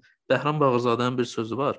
Tez-tez bunu deyir. Mənim çox xoşuma gəlir o sözdən. Deyir ki, ə, mənə görə vətənpərvər insan o şəxsdir ki, öz sahəsin mükəmməl bilir. Yəni həkimdir, deyək ki, stomatoloqdur, çox ən yaxşı həkimdir. Və yaxud da nə bilim, çörəkçidir, ən yaxşı çörəkçidir və s. bu formada. Mən şəxsən müharibədən sonra özümdə məsuliyyət hiss edirəm ki, daha mən o məsuliyyəti ilk dəfə 25 yaşım olanda hiss eləmişəm ki, artıq müəyyən qədər yaşım artıb, ilk dəfə belə bir şey oldu. Sonra müxtəlif həyatımın müxtəlif ə, e, vaxtlarında müxtəlif dərəcədə o məsuliyyət aldım. Bu müharibədən sonra bir məsuliyyət hiss edirəm ki, sanki yəni məndən yaşda kiçik, mənim həm yaşlarım, məndən yaşca böyük olan insanlar getdilər, şəhid oldular. Bəziləri əbədi olaraq gözlərini itirdi, bəziləri bədənlərin hansı birisini itirdi. Yəni bu insanlar vəzifələrini o cür yerinə yetirdilər və biz qalanlara da artıq müəyyən bir vəzifə yükləndi ki, yəni fərz eləyək də alınmış hər bir rayona qədər işğaldan azad olunmuş rayona da sabah bir mütəxəssis lazımdır da. Yəni alındı, bundan bitmir axı. 30 il işğal altında olub dağıdıblar hər yeri. Yenidən bərpa eləmək lazımdır. Ora bütün cəhətlərdən mütəxəssislər lazımdır və ə, nə bilim cəmiyyət olaraq da biz ə, gəncləri itirdik də, nə qədər gənclər şəhid oldu, nə qədər ə, qazi oldu, bədən hissələrini itirdi. Yəni bu insanlar da daha yaxşı bir ə, cəmiyyət qurmaq üçün, qalanlar üçün də daha yaxşı cəmiyyət qurmaq üçün gərək daha məsuliyyətli yanaşasan. Yəni öz işvəyi başqa məsələ, öz işvə daha məsuliyyətli yanaşasan ki, sən də öz vəzifəni yerinə yetirmiş olasan. Yəni bunun elə bil ki, bir bu anlayış, bunun məsuliyyəti mən şəxsən özüm üçün bunu kəşf elədim. Bir də bu qazi məsələsində nəyi vur vurğulamaq istəyirəm? Bizim əslində bugünkü podkastımız mənə elə gəlir ki, podkast başlamamışdan qabaq başladı. Nəyə görə mən bunu deyirəm? Sən məndən soruşdun ki, mən formada qoşulmalıyam, yoxsa formasız? Mən də ə, həmişə insanlara azadlıq verməyin tərəfdarıyam və düşünürəm ki, müəyyən məsələlərdə insanlar özü qərar verməlidir məndə belə deyim də hər hansı bir dress code və yaxud da qonaqlarım nəsə geyinməlidir məsələsi olmalı deyə ə, mən mən dedim ki, bunu sən özün ə, qərar verə bilərsən. Ə, və yəni necə ki bir aşpaz da dəvət eləsən və yaxud da usta dəvət eləsən və yaxud da nə bilim müxtəlif ə, sahələrdən olan insanlar bu seçimi də onlara verəcəm. Və sən öz seçimini elədin, sən edə bilərdin də, yəni hərbi formanı geyinəsən, medalları taxıb gələsən. Sənin seçimin ə, müharibədən öncəki əli nə cür görünürdüsə, o formada da oldu. Məncə bu da bir göstəricidir. Bu da bir seçimdir. Ə, və məncə belə seçimlər insana ə, dəyər qazandırır. Çünki xırda detallar bəzən çox şey haqqında məlumat verir. Bu detalda şəxsən mən demirəm ki, fərz eləyək də Əli əgər hərbi formanı geyinib medalları ilə otursaydı, bu mənfi bir şey olardı. Yox. Bu sənin və yaxud da başqa bir müharibə iştirakçısının layiq olduğu və fəxr etməyə layiq olduğu bir şeydir, seçimdir. Amma bir var sən bir şeyi eləyirsən, bir də var ki, və eləyirsən və eləməyə də haqqın var. Bir də var ki, haqqın olduğu halda sən nədənsə imtina edirsən. Bu da ə, məncə bir göstəricidir. Bu da bir bu seçim imtina elə eləyə bilmə çox önəmli bir şeydir. Ə, yəni məncə ən çət, çətin məsələlərdən biri də budur ki, sən bir şey eləyə bilərsən və buna haqqın da var və sən bundan imtina edirsən. Bu yaxşı bir şeydir. Mən düşünürəm ki, əgər bu xüsusiyyət də varsa, bu ümid var gələcəyə, belə deyim də, imtina eləmə xüsusiyyəti varsa, gələcəyə çox yaxşı ümid var və ə, sənin timsalında mən ümid edirəm ki, bu müharibədə qurban vermiş hər hansı bir formada nə isə qurban vermiş şəxslər ə, şəxslər də ə, düşünmürəm ki, bu hər kəsin borcudur və belə bir şey də yoxdur. Kimsə imtina eləyə bilər, kimsə etməyə bilər, amma ə, düşünürəm ki, nədənsə də imtina eləyənlər ə, müharibədən sonra da yenə də qurban verməyə davam edirlər. Və belə hə, belə şəxslərin olması, belə halın olması ə, nə bilim, mən ümumiyyətlə bu müharibədə bir dəcə müharibə ümumiyyətlə bu müharibə mən, mənim şəxsən özüm özümə çox şey sübut elədi nə baxımdan ə, mən belə deyim də cəmiyyətimizin iç üzünü gördüm. Mən gördüm ki, hə, biz belə ola bilərik. Biz hamımız gördük ki, biz belə ola bilərik və ə, el bir olsa nələrə qadirdir, daima misallar eşitdiyimiz misallar. Biz ümumiyyətlə kimi e, nəyə qadirik? Yəni o ki hər hər şəxs, hər bir adam böyüdən kiçiyə bir nöqtəyə vurursa və onun o yara bilməyəcəyi eşalon yoxdur da belə deyim. Mən əminəm ki, əgər insanların belə bir e, təpkisi, reaksiyası olmasaydı, bəlkə də biz bu qədər uğurlu ola bilməzdik. Çünki neçə illər ərzində bizim torpaqları işğal eləmişdilər və bizim torpaqlar işğal olunanda bizim ə, daimi ordumuz yox idi, professional ordumuz yox idi. Amma ə, 44 gün ərzində belə deyim də düşmənin anasını ağlatmağı bacaran bir ə, şəxslər və buna dəstək verən hər şəxs, yəni o kadrlar ki, hamımız görmüşdük, ə, yəni əskərlər gedir, insanlar nə bilim biri bir yeşik meyvəni götürür, verir. Biri su atır. Oyun yəni quzu atan var idi. Bizim maşına valla quzu atan var idi. Vaxtı bir uşaq var idi, arxadan verədi. Bu xalq üçün şəhid olmağa dəyər. Maşının içindədir. Yəni həqiqətən də elə idi. İnsanlar evlərindən yorğan döşəklər, fantastik bir şeydir. Öz yatdığı yorğan döşəyi gətirib Füzulidə bizim altımıza sərirdi. Yəni ondan sonra necə döyüşməyəsə.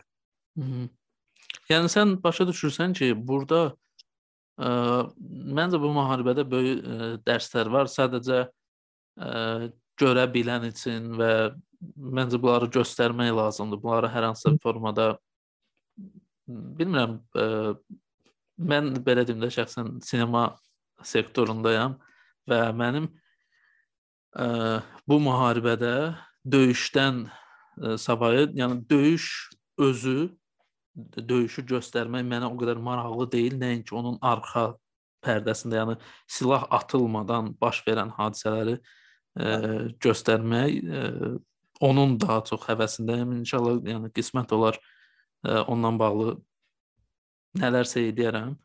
E, çox istəyirəm açığı bunları eləmək.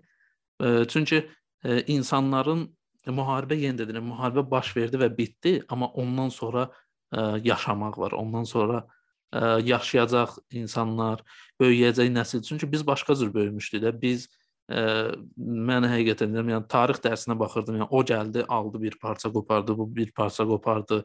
bu belə getdi, o belə getdi, xanlıqlar belə oldu, bu belə batdı, getdi və birdən sən bununla böyüyürsən.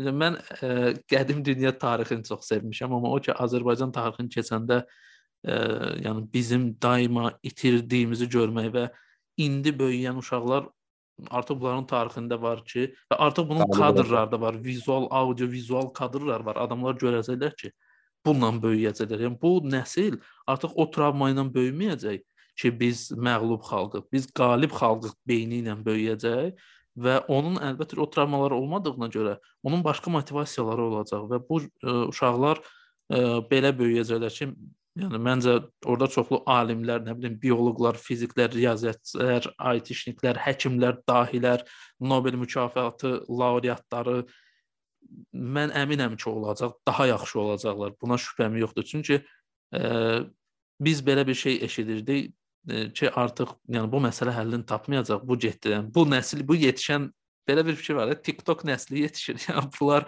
bunlardan torpaq alan çıxmaz. Amma gör həqiqət oldu ki, elə həmin uşaqlar da o torpağı alanlardan biri oldular və o günləri bizdə dərsdə belə bir şey oldu. Müəllimlərdən biri e, belə bir söz işlətdi ki, bəs deyir indiki cavanlar falan. Mənim artıq o söz acığıma gəlir. Düzdür, mən e, mən sadəcə həmən müəllimə cavab vermədim, amma çox qəzəbləndim onun sözünə. Məncə müəllim də onu başa düşdü, söhbəti dəyişdi, sonra dedi ki, indiki cəhətdən müsbət tərəf var. Biz başa düşdük ki, belə deyil də. Yəni indi kimsə durub deyə bilməz ki, indiki gənclərin elə deyil. Çünki biz gördük ki, ə, bizim gənclərin genetik kodunda belə bir ə, sanki informasiya var ki, ən təhlükəli anda bu cəmiyyət bir ola bilər və bir olub hər şeyini qurban verməyə hazırdır və bu insanlar çünki sən deyirsən bax Qətərdən həkim gəlmişdi.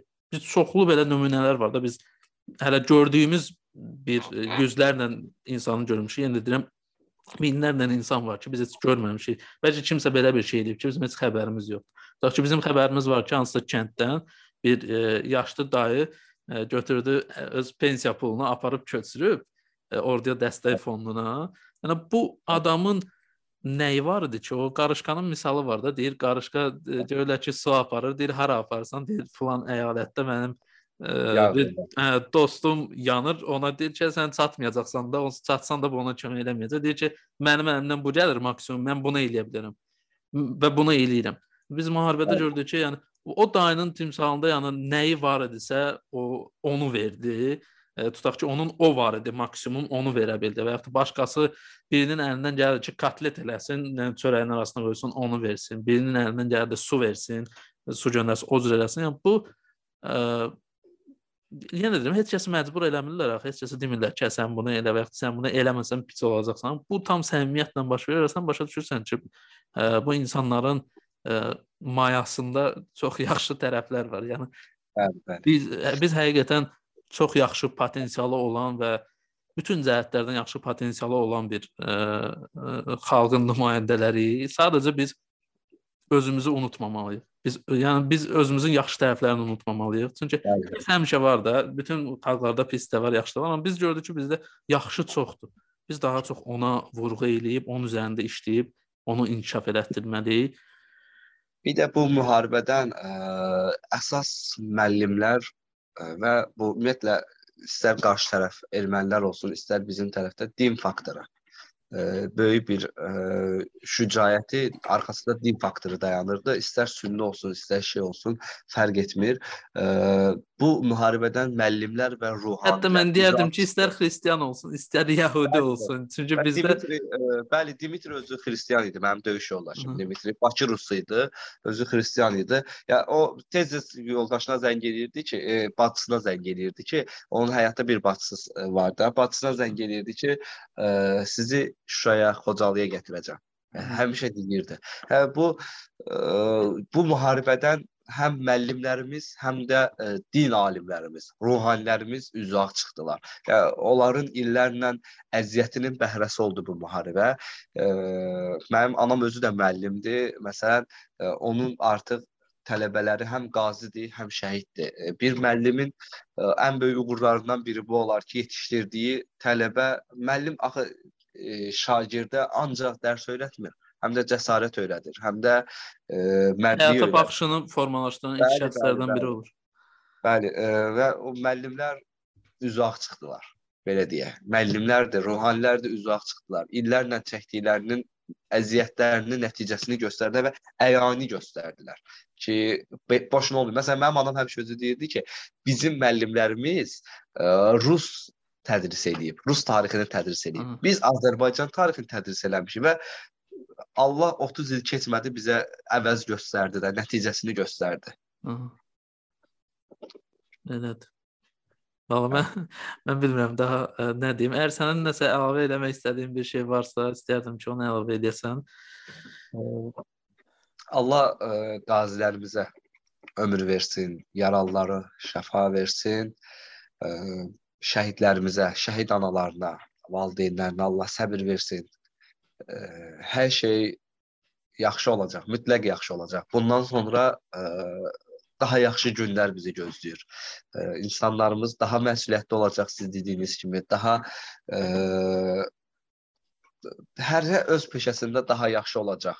Çünki artıq qalib e, məmləkətin vətəndaşıdırlar hər kəs və şükür Allaha ki, bizdən sonra bizim balalarımıza bu problem qalmadı. Daha yaxşı günlər gözləyir inşallah bizi. İnşallah. Çox sağ ol Əli, minnətdaram sənə. Təşəkkür edirəm, var ol. Bizim podkastı dinləyənlər də demək istəyirəm ki, ə, Yandex Music platformasından, Google Podcast platformasından da dinləmək mümkündür artıq bizim podkastı. Mən linklərin, keçidlərin videonun altında qeyd edəcəm. Ə, bu qədər. Başqa, yəni mən belə deyim də mən ə, mənim üçün bu məsələlər çox məncə bütün Azərbaycanlılar üçün olduğu kimi çox təsirlidir və ə, səndən bircə bir də getdik biz bu müharibəyə sanki iştirak elədik, çıxdıq, oradan xəyali olaraq əlbəttə ki. Ə, mənə elə gəlir ki, gələcəkdə bir 20 il, 30 il sonra, nə bilim 50 il sonra biz olmayanda ə, bunu bu kadrlarda qalır. Bunlara baxan gələcək nəsildə bəlkə kimsə dok doktorski dissertasiya yazacaq bundan ya kimsə bilmirəm hə. olanda bəlkə nəsə istifadə eləyər bir mənbə kimi ola bilər ən azından bu formada da bir faydası ola bilər. Belə bu qədər. Çox sağ ol Əli. Minnətdaram sənə də gəldiyinə görə.